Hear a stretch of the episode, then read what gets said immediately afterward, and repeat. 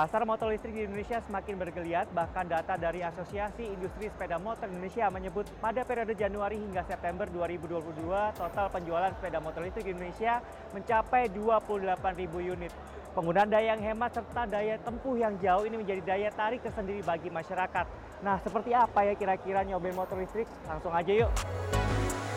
Indonesia International Motor Show 2023 seolah menjadi ajang untuk kebolehan dari para pendatang baru. Mereka memperkenalkan motor listrik produksi terbaru. Salah satunya United yang dikenal sebagai produsen sepeda. United memamerkan motor listrik terbarunya yaitu United MX 2000 yang ditenagai motor listrik 72 volt dengan top power 2200 watt. Motor yang menggunakan baterai jenis graphene ini diklaim bisa melaju hingga kecepatan 65 km per jam dengan jarak tempuh maksimal 80 km.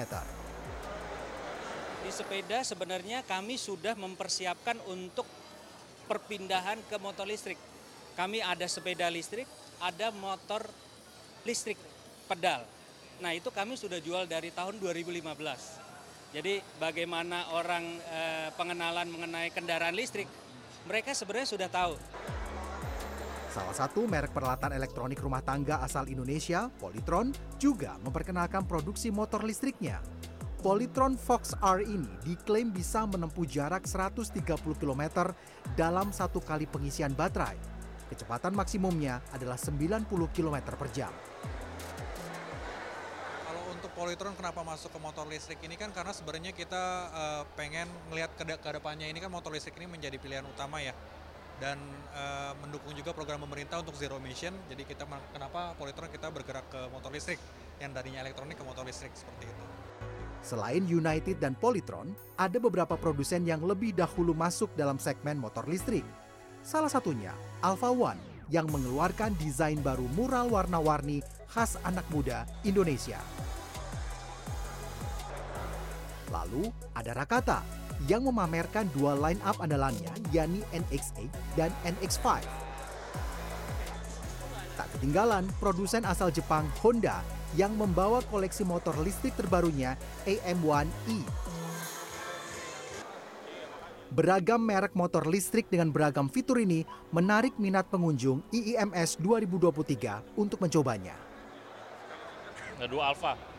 Alfa sama merek apa tadi? Nakata atau apa gitu deh. Gimana sih Pak bedanya? Ya nggak ada asap kan ya. Terus dia nggak ada getaran mesin gitu deh. Tertarik untuk beli nggak? Kebeli sih. Eh, tadi sini Alpha One. Nah ini Apa, gimana rasanya? Rasanya sih ya lebih responsif, tapi dari di, di indoor sih cukup responsif ya nggak terlalu apa namanya enak juga sih, nggak nggak terlalu berat-berat banget. Tertarik beli nggak sih?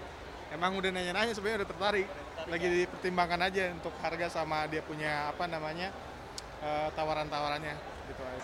Saat ini, pemerintah tengah menggodok regulasi terkait insentif bagi kendaraan berbasis energi listrik.